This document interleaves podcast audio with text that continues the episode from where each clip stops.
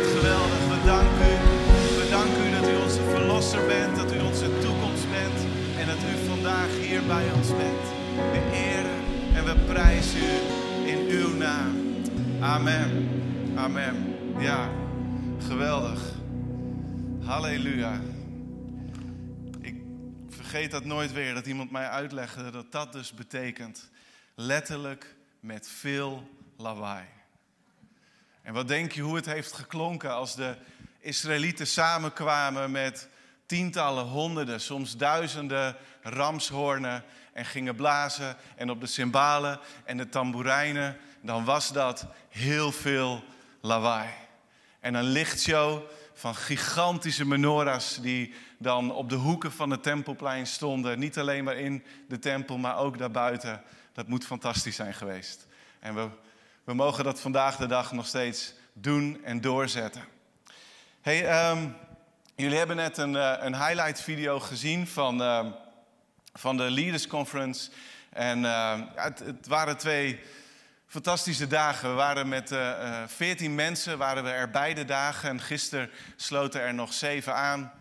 Dus dat is al heel gezellig. Want het leuke is dat er mensen waren die echt letterlijk gewoon nog maar een paar weken in onze kerk komen. Uh, tot mensen die al jaren meebouwen en aanwezig zijn en hier opgegroeid zijn. En uh, ja, wat, wat hebben we gewoon geweldige mensen. Echt, ik ben zo onder de indruk, ik geniet daar zo van om te zien wat voor liefde er is voor God en de kerk, voor elkaar. De dromen die worden gedroomd, de nieuwe plannen die ontstaan in de gesprekken met elkaar, die God aan mensen heeft gegeven. Uh, die voor mij inspirerend waren.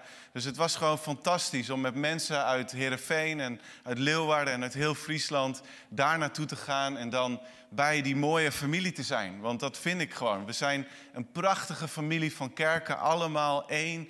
Um, in ons, ons verlangen om God te kennen, om Jezus te volgen, om vervuld te worden met de kracht van de Heilige Geest en om gezonde kerken te bouwen in de steden, in de dorpen waar God ons heeft geplaatst. En dan zien we er allemaal net een beetje anders uit en dan hebben we allemaal een verschillende kleur, maar we zijn zo ontzettend één en we doen het samen. Um, we hebben heel veel geleerd, te veel om op te noemen. Maar een van de sprekers waar ik zelf wel erg van onder de indruk was, was Mal Fletcher. Je zag hem net even in het filmpje met die hele mooie grote baard. Ik vroeg aan Eva of ik ook zo'n baard mocht, maar dit is groot genoeg. Woensdag moet ik weer naar de barbier, dus dan wordt het weer korter, helaas. Maar um, ja, een fantastisch denker, een futurist. Uh, iemand die op allerlei invloedrijke plekken in de wereld mag delen over hoe hij kijkt naar de toekomst en ontwikkelingen in de maatschappij en onder de jong, jonge generaties. En ook een pastor, een herder. En dat sprak er doorheen. En hij zei heel erg mooi, hij citeerde daarmee John Stott, die zei: De kerk is bedoeld om een koninkrijksgemeenschap te zijn, een community, een meanskip. Een voorbeeld van hoe de menselijke gemeenschap eruit zou kunnen zien als God er regeert. Nou, dat is een hele diepe. Daar kan je tien preken over schrijven. Maar ik wil het heel concreet en praktisch maken wat dat is. Gisteren onderweg naar huis in de auto kreeg ik een appje van Esther. En uh, die maakt deel uit van ons uh, CLC Café team. En die, uh, die, hebben gekookt met de Connect groep voor heel de kerk kookt. En ze, ze deelde dit appje met mij. Um, ze zei een van de dames die eten kwam halen. Maar ook koffie kwam drinken, vertelde vanmorgen. Wat jullie hier doen, is zoveel meer dan een gratis maaltijd geven. Het is het geven van een dag zonder avondstress. Het iets moeten eten, maar eigenlijk geen geld hebben. Dank jullie wel. En daarom doen we dat. Dat is koninkrijkscultuur bouwen, laten zien dat onze stad kan veranderen, dat mensen gezegend worden door ons volgen van Jezus. En ik vind dat geweldig. We zijn samen de kerk op een heel veelkleurige manier. En, en dat is ook onder andere waarvoor de conferentie ons dieper heeft gemotiveerd. Dus ik ben ontzettend dankbaar voor iedereen die mee was. Jullie gaan vast meer horen. Ik hoop dat we volgend jaar weer met een hele mooie groep die kant op kunnen gaan. Um, maar het, het, is gewoon zo opbouwend en inspirerend. Oké, laten we ons gaan richten op Jacobus, anders wordt dit veel te lang. We zijn de afgelopen weken, al twee maanden, eigenlijk de hele tijd bezig met de Jacobusbrief. We gaan er vers voor vers doorheen. We behandelen het op de connectgroepen. Het is, uh, het is prikkelend, het is uitdagend, het is zo ontzettend leerzaam. En we komen vandaag bij hoofdstuk 4. En we willen de vraag eigenlijk beantwoorden uh, met de woorden van Jacobus. Hoe bouw ik aan mijn toekomst? En we zijn ontzettend veel bezig met onze toekomst, juist vandaag de dag. We zitten op, op het middelpunt van een conferentie in Glasgow waar het gaat over het klimaat. Twee weken lang komen leiders uit de hele wereld samen en panels en klimaatwetenschappers enzovoort enzovoort om met elkaar daarover te spreken. Hoe staat het ervoor en wat moeten we doen om dit nog een beetje binnen de perken te houden? En wij zijn benieuwd, welke maatregelen worden er genomen? Worden er spijkers met koppen geslagen? Maar ook, wat betekenen die maatregelen voor mij, voor mijn portemonnee, voor mijn leven van alle dag? En afgelopen dinsdag, voor het eerste lange tijd, was er weer een corona-persconferentie. En we vragen ons af, hoe gaat dit weer? De komende weken, de komende maanden. Misschien vinden we het spannend, worden we er zenuwachtig van en het is ook spannend. En er worden weer maatregelen genomen die impact hebben op ons leven. En dat vinden we misschien wel lastig. En tegelijkertijd denk ik terecht dat er iets gebeurt. Als je kijkt naar, naar de toenemende druk op de gezondheidszorg, er moet iets gebeuren. Maar leuk is het niet. En ik las via Blendel een, een column in, uh, in een krant uh, op 29 oktober. En dat was van een man die schreef het volgende. Nu de ergste rookwolken, dat was toen nog zo, van de coronacrisis voorbij zijn, leken er ineens wel heel veel problemen te zijn. Waar zeker de generatie na hem mee te maken kreeg. Het ging over een oudere man.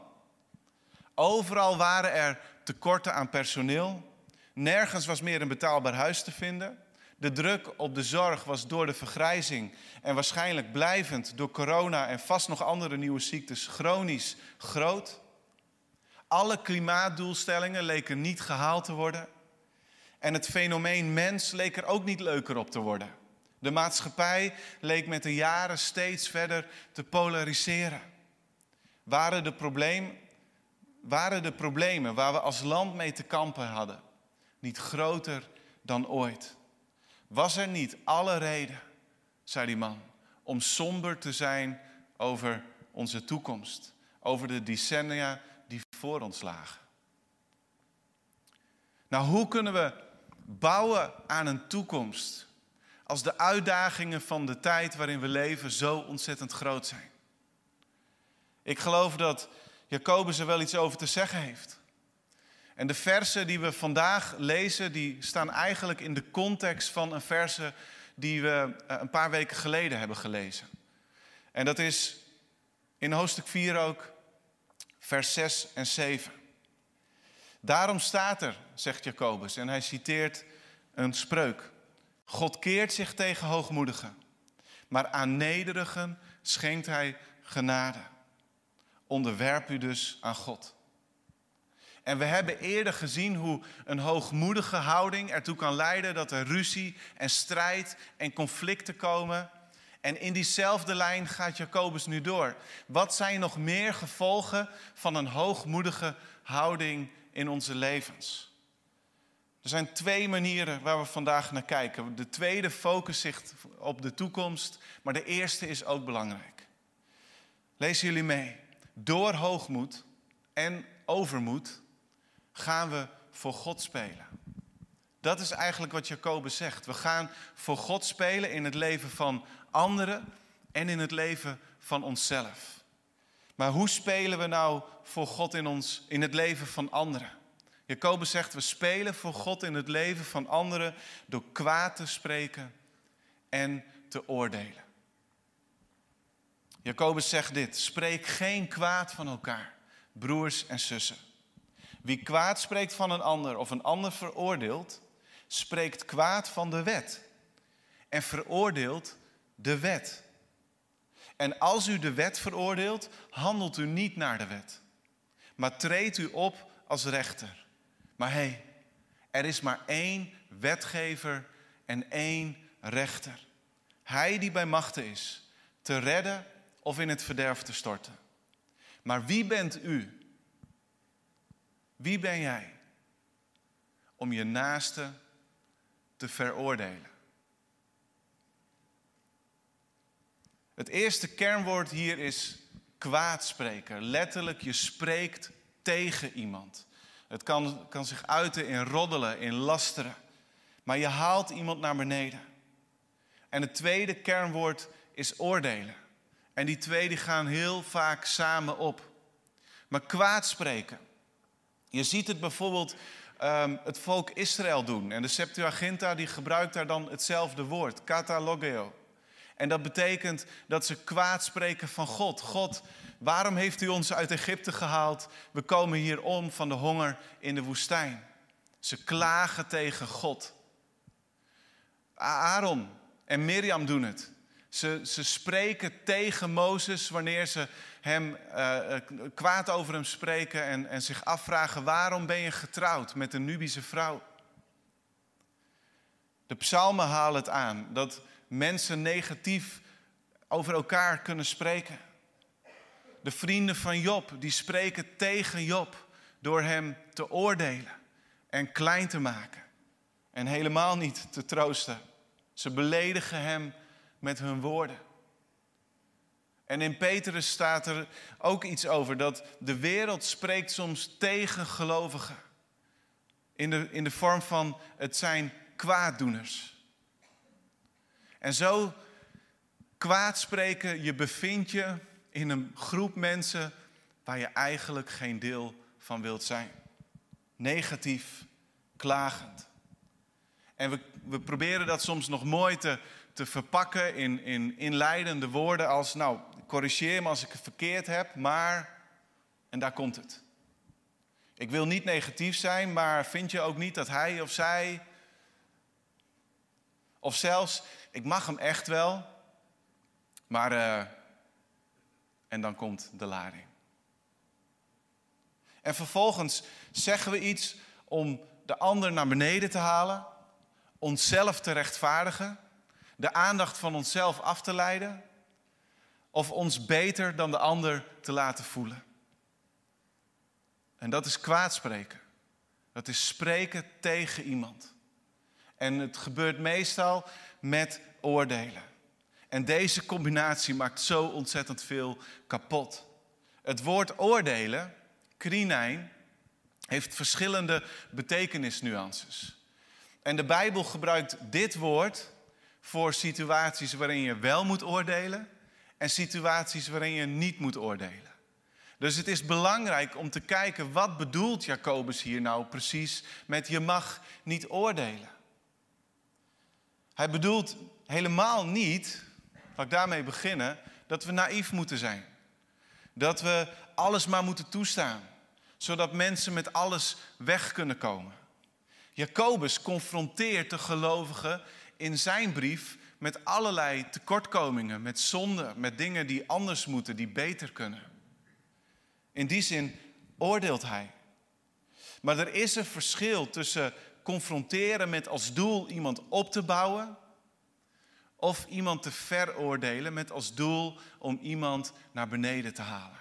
En vooral eens even lekker op zijn plek te zetten. Als je dat doet, zegt Jacobus, handel je niet naar de wet. En daarmee bedoelt Jacobus de wet zoals hij dat eerder in zijn brief heeft gezegd. De volmaakte wet, de perfecte wet, de, de wet waar het om gaat. De koninklijke wet, regel om naar te leven. Heb je naaste lief als jezelf. Als je oordeelt, doe dat altijd met de motivatie om je naaste lief te hebben daarmee. Wie zichzelf opwerpt als rechter, breekt de wet van de liefde.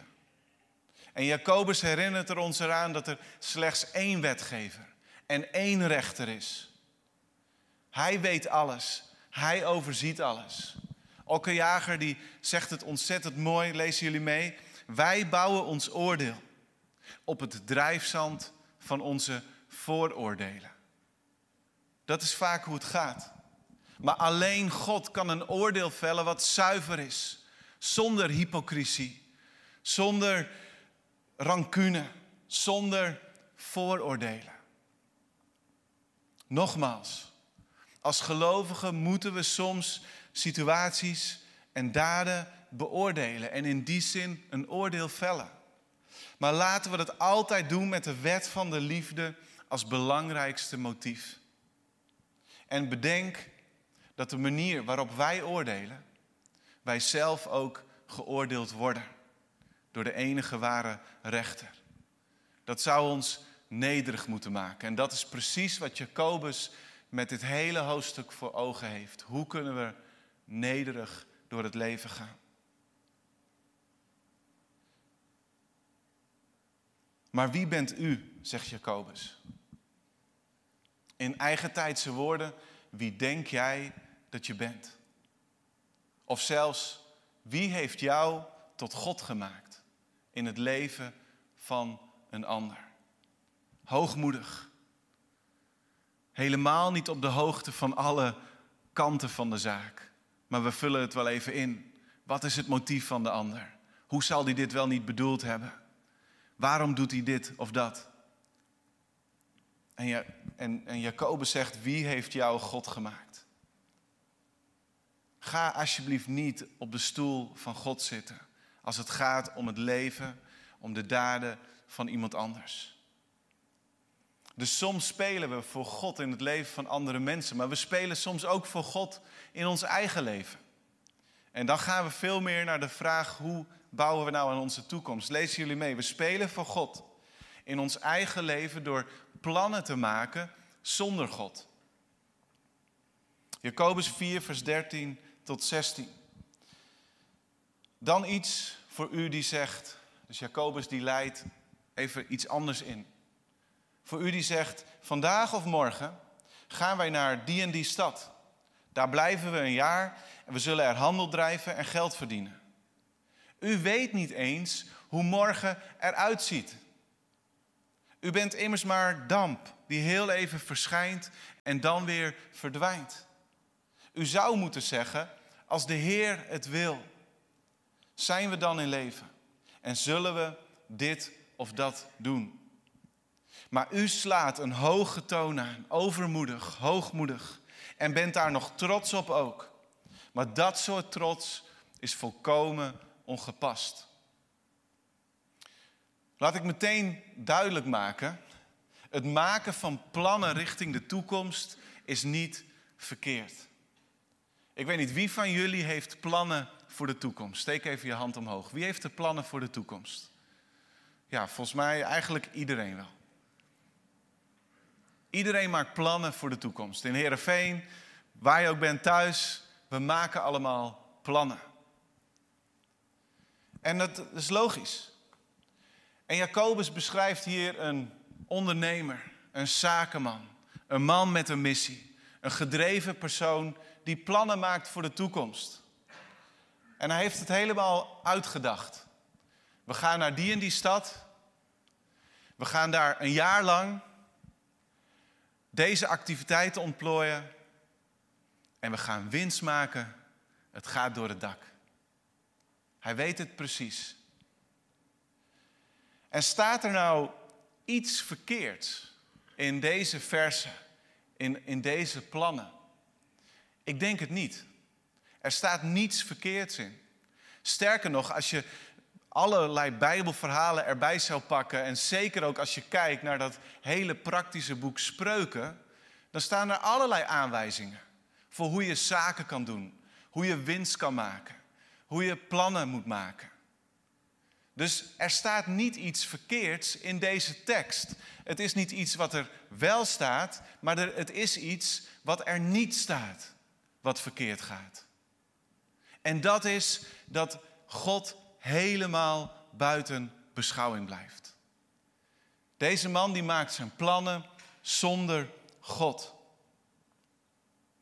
En ik weet niet of jullie dat herkennen, maar ik herken dat wel. Soms doe je dat. En Jacobus zegt dan: U weet niet eens hoe uw leven er morgen uitziet. We hebben het allemaal keihard geleerd.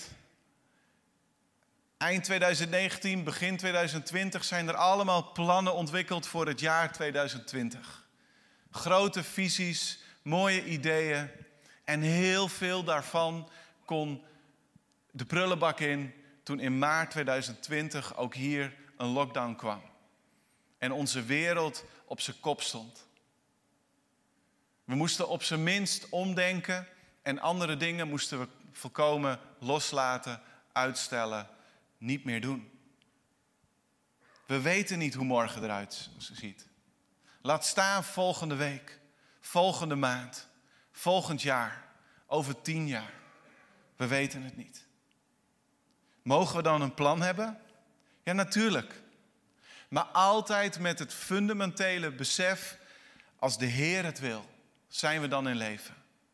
En in onze taal is dit voorbehoud van Jacobus, is het, is het bekend geworden in een spreekwoord. En zeggen we vaak zo de Heere wil en wij leven. Maar dat staat er niet. Er staat zo de Heere wil dat wij leven.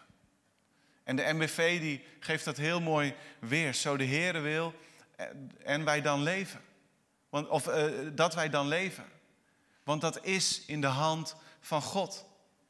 En we komen die houding op allerlei plekken in het Nieuwe Testament tegen. Je kan um, de teksten die even op het scherm komen, die je thuis ziet, die kan je thuis nalezen. En ook het verhaal eromheen. Ik zou zeggen, doe dat. Maar je ziet steeds weer, als de Heer het wil, indien de Heer het wil, dan gaan we dit of dat doen. Dan hoop ik bij jullie komen. Dan hoop ik jullie op te kunnen zoeken. We kunnen als mensen heel hoogmoedig, overmoedig, pretentieus plannen maken. Maar daarmee gaan we ten onrechte op de stoel van God zitten. Ons leven is een damp. En het wordt kouder weer. En uh, s ochtends als ik vaak Johan naar school breng, dan uh, zitten we op de fiets. En al een paar keer heb ik mijn eigen adem weer gezien. En dan weet je, dan wordt het weer koud. En je ziet heel even een wolk van damp. En vervolgens is hij ook alweer weg. En Jacobus zegt, en Jezus heeft het gezegd, zo is ons leven.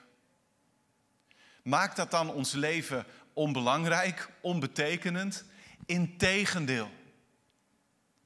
Het maakt ons leven superbelangrijk. Het maakt iedere dag belangrijk. Wat we doen, welke keuzes we maken, waar we voor gaan. Iedere dag is belangrijk. Wat doen we met onze dagen? Laten we onze lange termijn planning, onze weekplanning, onze dagplanning met God doen. We moeten ons realiseren, lezen jullie mee, Psalm 33. De Heer doet de plannen van volken teniet. Hij verijdelt wat naties beramen. Maar het plan van de Heer houdt eeuwig stand. Wat Hij beraamt, blijft van geslacht tot geslacht. Dus alleen de plannen van God, alleen de plannen die je met God maakt, houden stand. En daarom is de volgende tekst de juiste strategie voor al onze plannen. Spreuken 3. Vertrouw met heel je hart op de Heer. En vertrouw niet op je eigen wijsheid. Overleg al je plannen met Hem.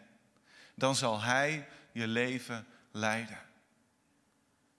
Dat is plannen maken. En als je dat doet, dan worden je plannen beter. Dan beantwoorden ze aan Gods doelen en niet aan je eigen doelen. En dan kan het nog wel steeds gebeuren dat er iets niet doorgaat. Maar dat is niet erg, want je volgt Gods plan. In Handelingen 16 staat het volgende, het komt niet op het scherm, maar het staat over Paulus. Ik vind het altijd zo wezenlijk over Gods leiding in ons leven. Paulus die deed het volgende. Ze trokken door Frigië en Galatië, omdat ze door de Heilige Geest werden verhinderd Gods woord in Azië te verkondigen. Toen ze bij de grens van Mysië kwamen, wilden ze doorreizen naar Bithynië. Er waren een aantal kerken En het leek hun een goed plan, en het was een goed plan, om die kerken weer op te zoeken en te versterken. Maar dat stond de geest van Jezus, de Heilige Geest, hen niet toe. Daarom trokken ze door Mysië tot ze bij de kustplaats Troas kwamen. En daar kreeg Paulus s'nachts een visioen waarin een man uit Macedonië hem toeriep: Steek over naar Macedonië, Europa, en kom ons te hulp. Toen Paulus dat visioen had gezien, wilden we meteen naar Macedonië vertrekken, omdat we eruit opmaakten dat God ons geroepen had om aan de mensen daar het evangelie te verkondigen. Dank God dat Paulus heeft geluisterd. Want daardoor is het naar ons continent gegaan. Maar zo werkt het soms. Paulus en zijn vrienden, waaronder Timotheus, die hadden een goed plan. Prima.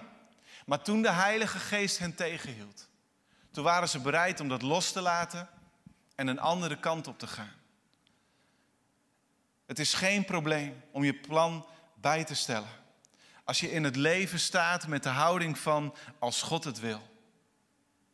Als God het wil. Zet jezelf niet op de regiestoel. Zet jezelf niet op de troon. Zet jezelf naast de troon. Ga op je knieën liggen en overleg alles met God. Niet mijn wil, maar uw wil. Ik verneder mijzelf voor u. Ik weet niet wat de toekomst brengt, maar u weet wat de toekomst brengt. En daarom geef ik u de leiding en niet mijzelf. Hoe bouw ik aan mijn toekomst? Zet ons misschien een klein beetje op het verkeerde been qua thema. Omdat onze toekomst niet begint vanuit het denken me, myself en I. Wat wil ik doen? Wat wil ik presteren? Wat zijn mijn doelen? Maar het begint hiermee. Lezen jullie mee? Bouwen aan je toekomst begint met op de eerste plaats zetten wie dat toekomt.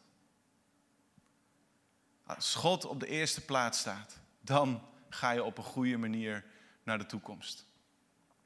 Hoe kunnen we stoppen met voor God te spelen? Als laatst. Hoe kunnen we daarmee stoppen? Jacobus 4, vers 17. Je moet niet alleen weten wat God van je vraagt, maar je moet het ook doen. Anders leef je helemaal verkeerd, zegt hij. Zoek en weet wat God wil. Dat is de eerste aanwijzing uit deze tekst. Zoek en weet wat God wil. De wil van God komt niet altijd op een briefje uit de hemel, maar we leren er heel veel over. Door juist iedere dag te bidden, de Bijbel te lezen, door te spreken met wijze, vertrouwde vrienden, gemeenteleden, voorgangers, connectgroepleden, door Gods leiding te ontvangen. En we leren ook Gods wil door te bidden wat Paulus in Filippenzen 2 zegt. Paulus die zegt daar, God wil het willen en het werken in ons werken. En het klinkt misschien ingewikkeld, maar het betekent gewoon simpelweg dat we naar God kunnen gaan en God kunnen vragen, geef mij uw wil. Plant uw wil in mij. Zorg dat mijn wil uw wil is. Helemaal. Zodat daar ook de werken, de daden, de ideeën uit voort kunnen komen die u graag wilt.